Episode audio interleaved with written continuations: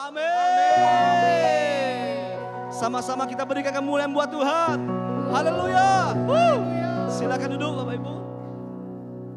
Puji nama Tuhan. Shalom. Shalom. Wow, dahsyat. Amin. Saya melihat banyak anak-anak muda ya yang berjemaat, yang bergereja tempat ini. Amin.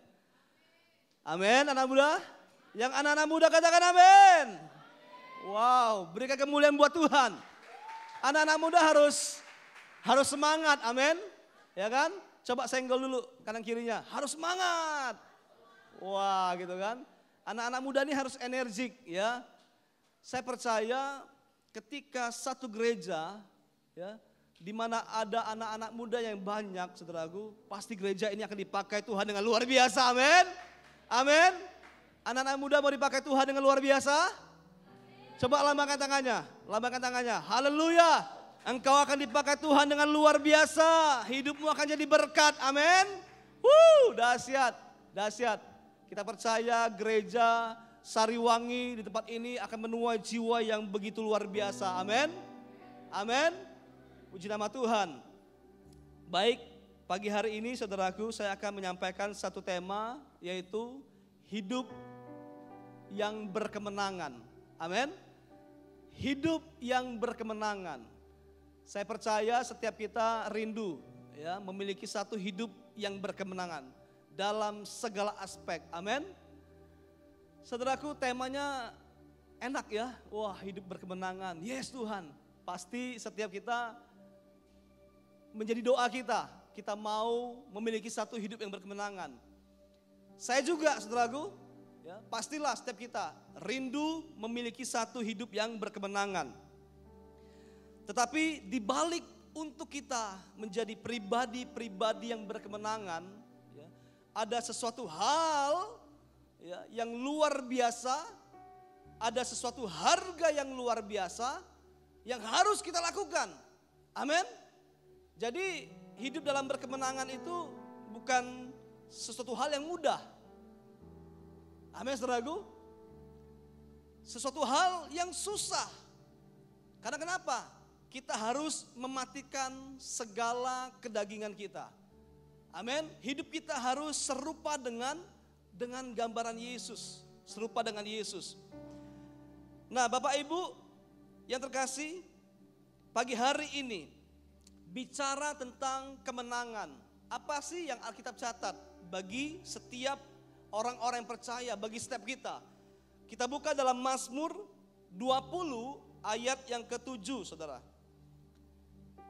Dikatakan, sekarang aku tahu bahwa Tuhan memberi kemenangan kepada orang yang diurapinya dan menjawabnya dari sorganya yang kudus dengan kemenangan yang gilang gemilang oleh tangan kanannya. Amin, saudaraku. Nah, pagi hari ini, saudaraku, Alkitab catat, ya, memang, ya, kita diciptakan menjadi umat-umat pemenang. Amin, saudaraku. Yang setuju katakan amin. Ya, inilah yang Tuhan janjikan. Pagi hari ini kita akan sama-sama belajar seperti yang saya sampaikan tadi. Ya, untuk kita menjadi umat umat yang berkemenangan, ada hal-hal yang harus kita lakukan. Di dalam Efesus 5, kita buka Efesus 5 ayat 14. Efesus 5 ayat 14 dikatakan, Itulah sebabnya dikatakan, bangunlah hai kamu yang tidur dan bangkitlah dari antara orang mati dan Kristus akan bercahaya atas atas kamu. Kristus akan bercahaya atas setiap kehidupan kita. Amin. Nah, pagi hari ini saya percaya saya dan setiap teman-teman semua, Bapak Ibu semua rindu menjadi orang yang berkemenangan. Amin. Di tahun 2023 ini ya, masih beberapa bulan ke depan kita rindu bahwa di tahun 2023 ini hidup kita menjadi hidup yang berkemenangan. Kalau 2022 mungkin ada hal-hal yang belum kita peroleh, cita-cita, doa kita yang belum kita dapat. Mungkin kita belum merasa aku belum menang Tuhan, tapi biarlah di tahun 2023 ini kita mau ya menang. Amin. Nah, hal yang harus kita lakukan apa? Kita harus bangun ya dari tidur dan kita harus apa? Kita harus bangkit. Katakan sama-sama saya, bangkit. Amin. Artinya apa?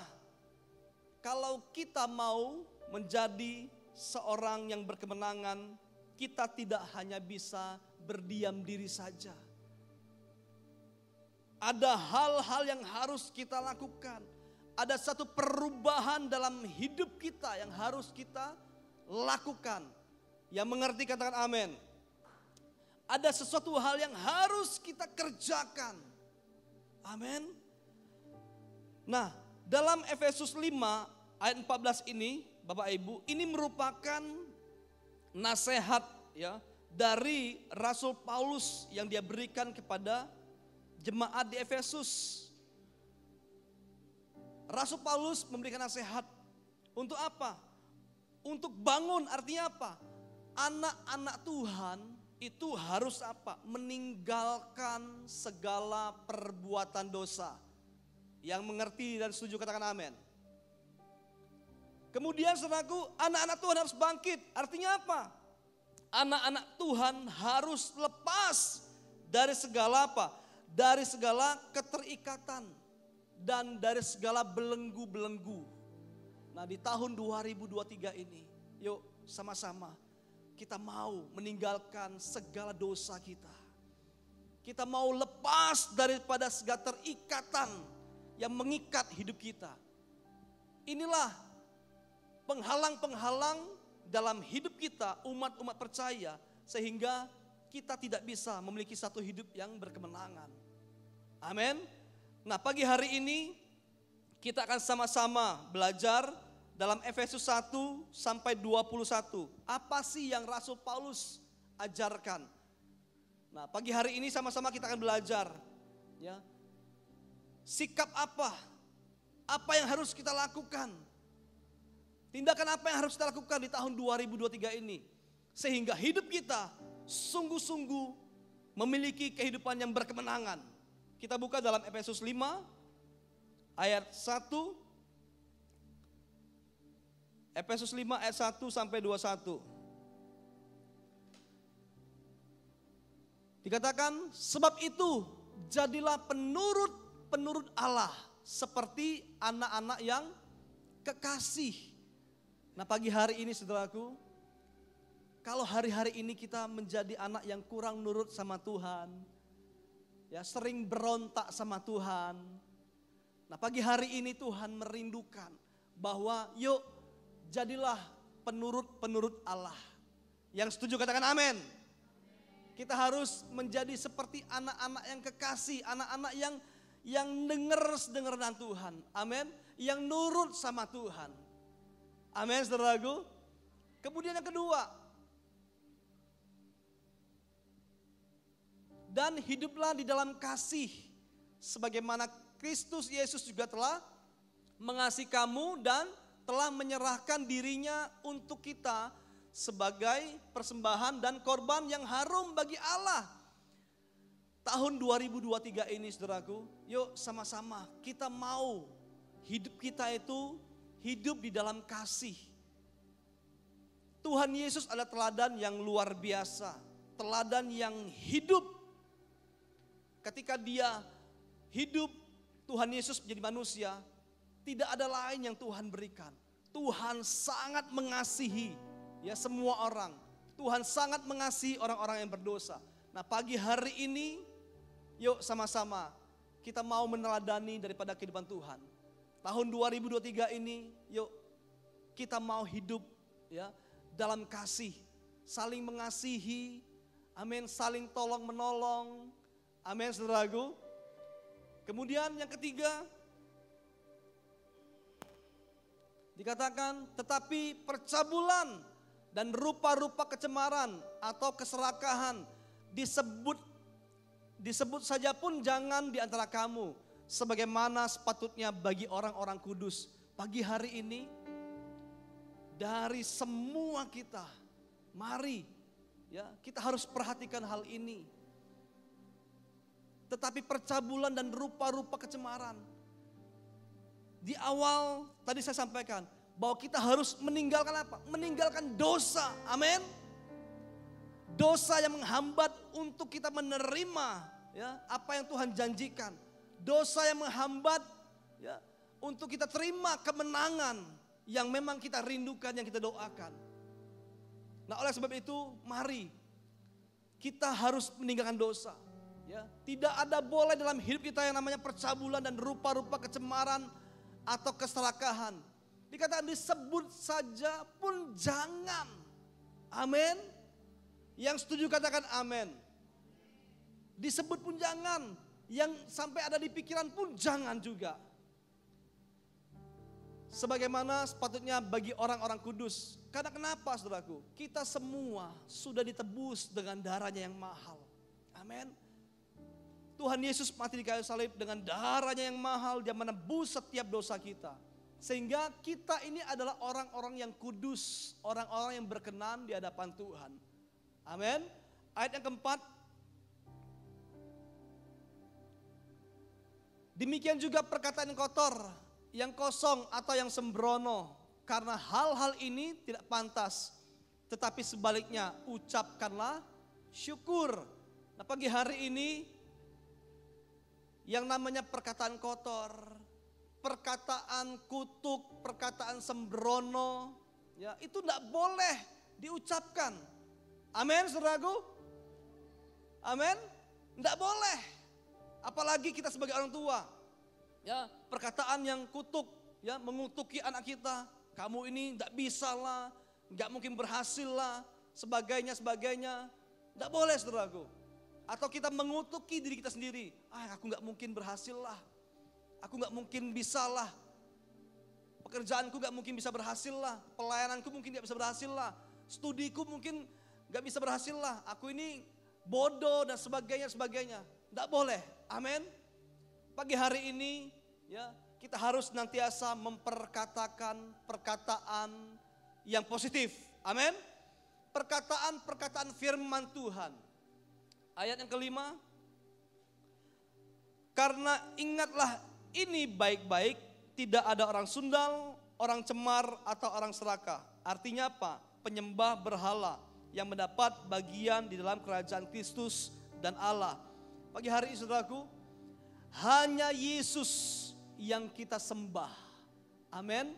Tidak ada ilah-ilah lain ya yang kita sembah. Karena kenapa? Allah kita itu adalah Allah yang cemburu. Yang mengerti katakan amin. Jadi kita harus senantiasa apa? Menyembah hanya kepada Yesus.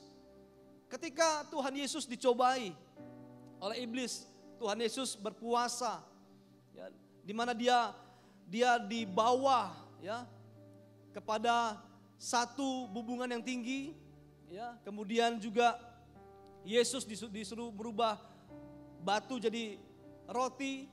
Kemudian Yesus tawarkan segala kemewahan, harta. Ya. Tuhan jawab apa? Hanya kepada Allah saja kita harus menyembah. Hanya kepada Bapa saja. Nah pagi hari ini kalau kita mau mengalami satu kemenangan dalam hidup kita. Ya, kita harus sungguh-sungguh menyembah Tuhan Yesus. Amin. Jangan kita menyembah yang lain. Jangan kita mencintai, mengagumi lebih daripada ya, lebih daripada Tuhan. Hanya Tuhan saja yang harus kita sembah. Amin. Kemudian ayat yang ke-6, janganlah kamu disesatkan orang dengan kata-kata yang hampa karena hal-hal yang demikian mendatangkan murka Allah atas orang-orang durhaka Hari-hari ini saudaraku banyak penyesat-penyesat, banyak nabi-nabi palsu. Nah oleh sebab itu dikatakan di ayat ke-7, sebab itu janganlah kamu berkawan dengan mereka. Pagi hari ini perhatikan pergaulan kita. Amin. Perhatikan pergaulan kita, perhatikan komunitas kita, apalagi yang muda-muda ini, ya. Yang muda-muda ya, perhatikan di mana engkau berkomunitas, Perhatikan di mana engkau bergaul. Perhatikan engkau berteman dengan siapa. bukan berarti kita menjadi seorang yang yang sombong atau apa enggak. Tapi kita harus sungguh-sungguh ya untuk kita mengcover diri kita.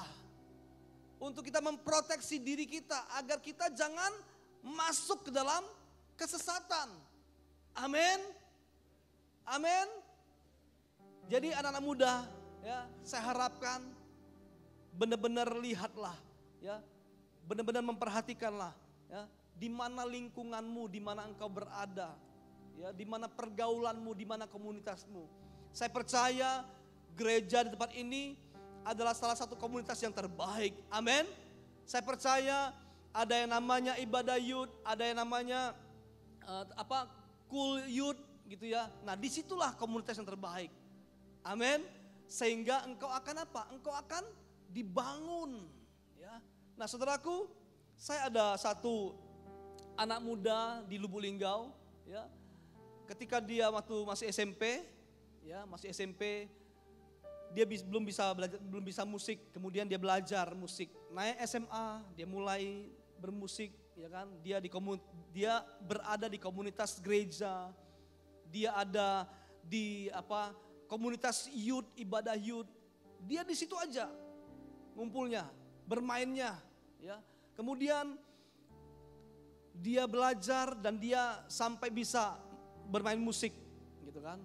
Nah, ketika dia mau kuliah gitu kan, saya berpesan sama dia, ya, cari komunitas gereja. Cari komunitas yang baik, cari komunitas yang positif. Sampai hari ini sungguh luar biasa. Ya, dia terus ya dipakai dalam pelayanan. Ya. Kehidupannya jadi berkat. Amin. Amin. Ketika dia pulang ke Lubuk Linggau, dia ngomong, Pak Gembala, gitu kan, saya di sana di gereja saya yang di, yang di Jakarta, gitu kan, saya banyak dapat berkat. Boleh nggak saya sharing gitu kan dengan anak-anak muda? Oh silakan gitu kan.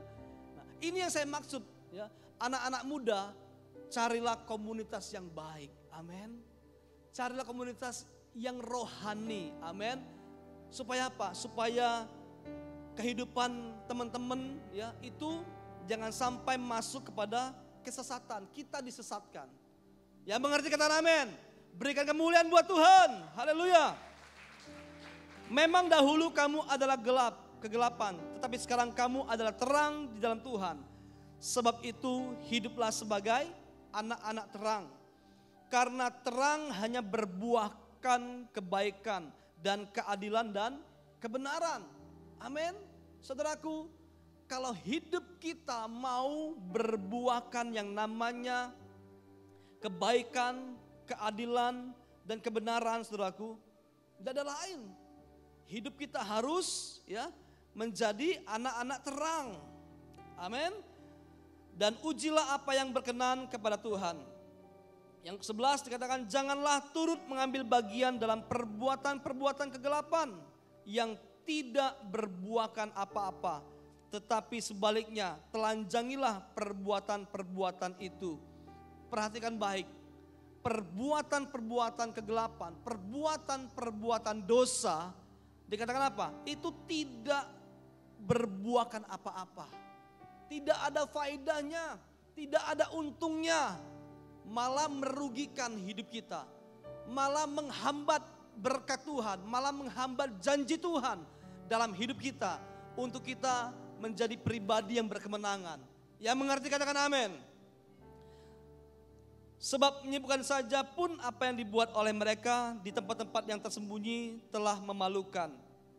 Tetapi segala sesuatu yang sudah ditelanjangi oleh terang itu menjadi nampak. Sebab semua yang nampak adalah terang. Ayat 14 itulah sebabnya dikatakan bangunlah hai kamu yang tidur dan bangkitlah dari antara orang mati dan Kristus akan bercahaya atas kamu. Karena itu perhatikanlah dengan seksama bagaimana kamu hidup. Saudaraku, sampai detik ini adakah kita ya mengambil satu waktu sendiri gitu kan, merenungkan hidup kita. Merenungkan bagaimana kita ini hidup itu kan di mana kita dikatakan perhatikanlah dengan sesama bagaimana kamu hidup. Ada nggak kita introspeksi Tuhan?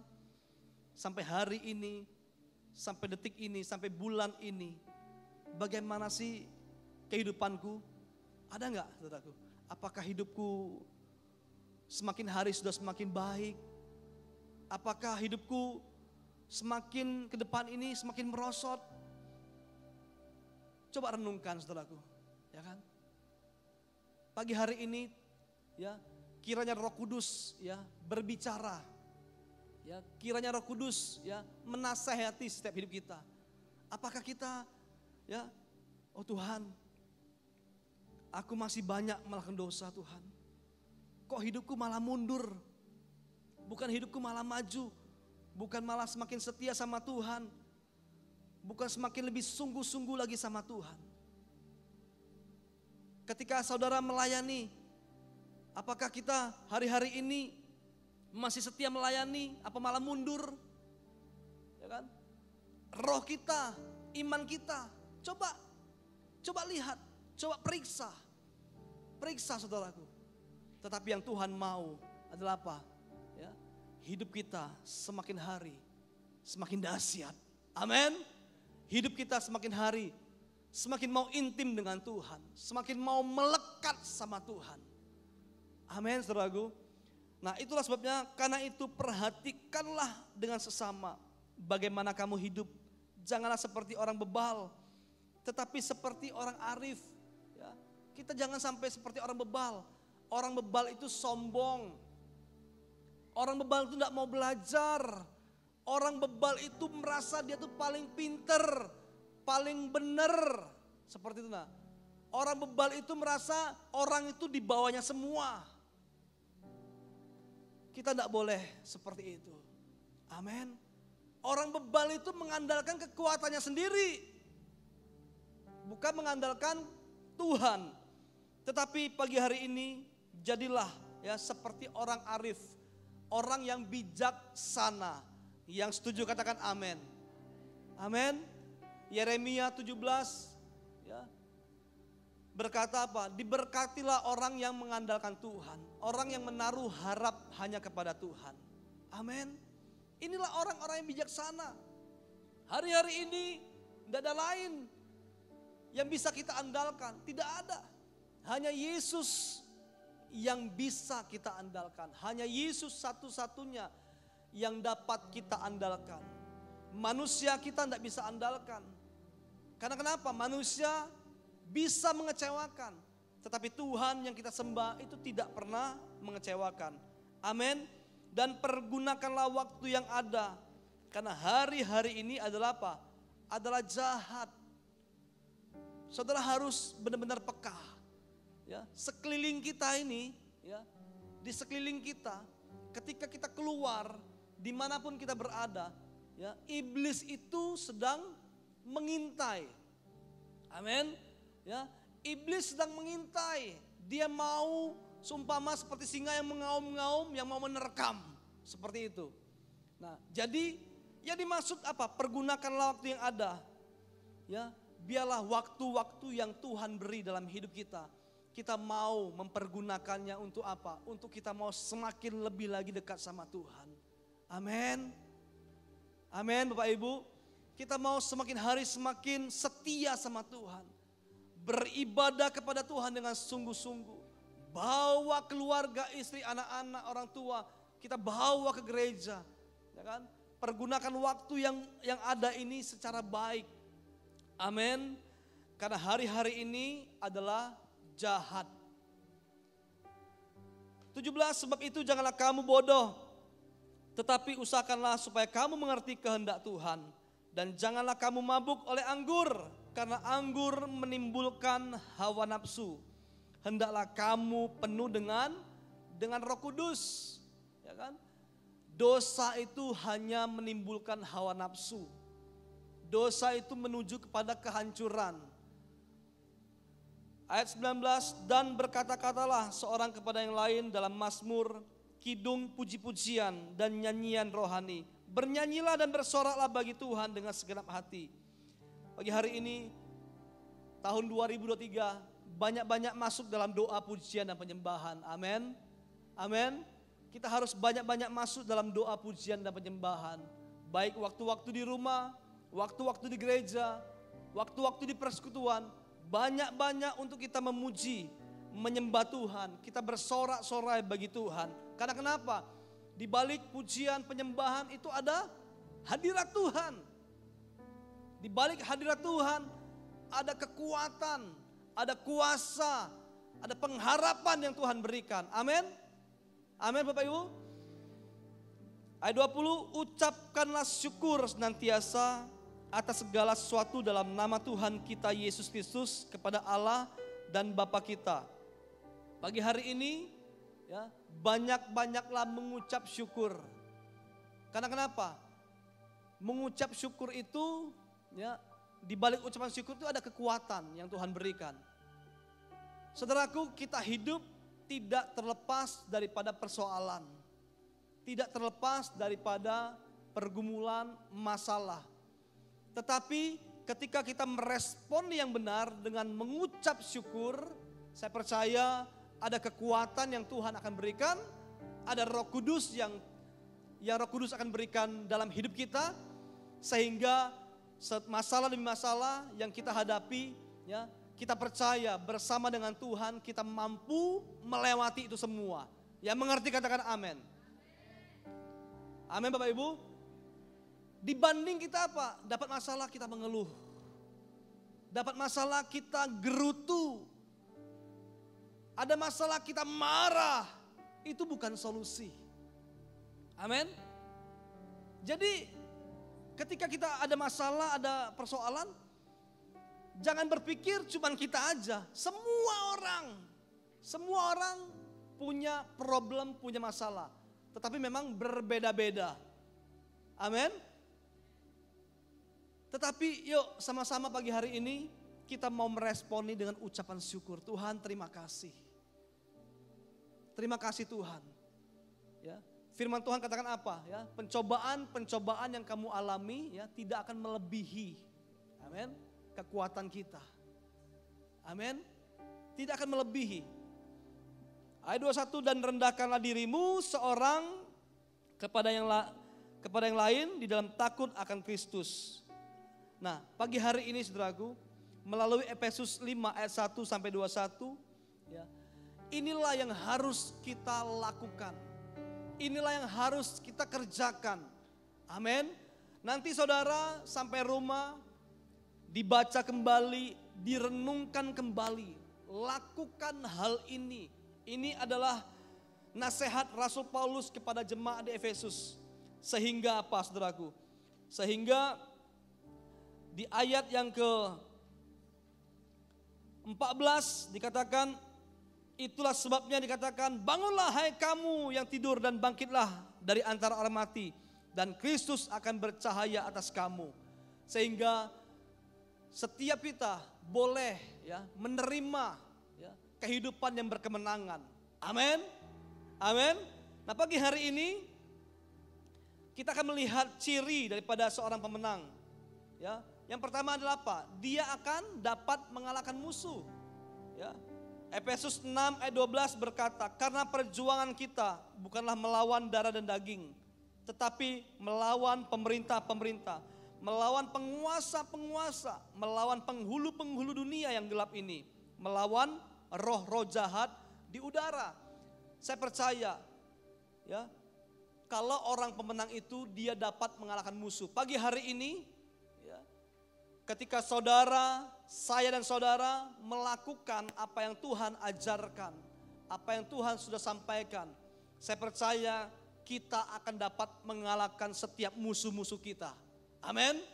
Ya, apa pun yang ada dalam hidup kita, musuh-musuh kita, kita percaya kita dapat mengalahkan semuanya itu. Amin. Yang kedua, orang pemenang itu pasti akan apa? Meraih hasil. Dia akan meraih hasil. Seorang pemenang akan menerima upah daripada Tuhan. Karena apa? Dia dapat mengalahkan musuhnya. Wahyu 2 ayat 7 bagian B berkata, Barang siapa menang, dia akan kuberi makan dari pohon kehidupan yang ada di taman Firdaus Allah. Di dalam Filipi 4 ayat 19, Allahku akan memenuhi segala keperluanmu menurut kekayaan dan kemuliaannya dalam Kristus Yesus. Nah, pagi hari ini ya, seorang pemenang itu pasti akan meraih hasil. Nah, pagi hari saya percaya kita semua akan menerima hasil daripada Tuhan. Amin. Apa pun yang kita kerjakan, apa pun yang kita lakukan dalam segala aspek kehidupan kita, Ketika kita menjadi orang-orang pemenang, kita semua pasti akan menerima hasil. Kita akan menerima upah daripada Tuhan. Amin. Yang ketiga, pemenang itu adalah orang yang lulus dalam ujian. Ya. Seorang pemenang, ya, dia itu lulus dalam ujian, ujian dalam kehidupan.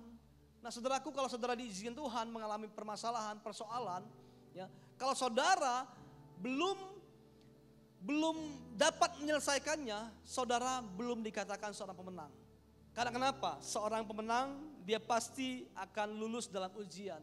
Saudaraku, saya dalam kehidupan saya, saya banyak pergumulan ya dalam pekerjaan, dalam rumah tangga, dalam pelayanan.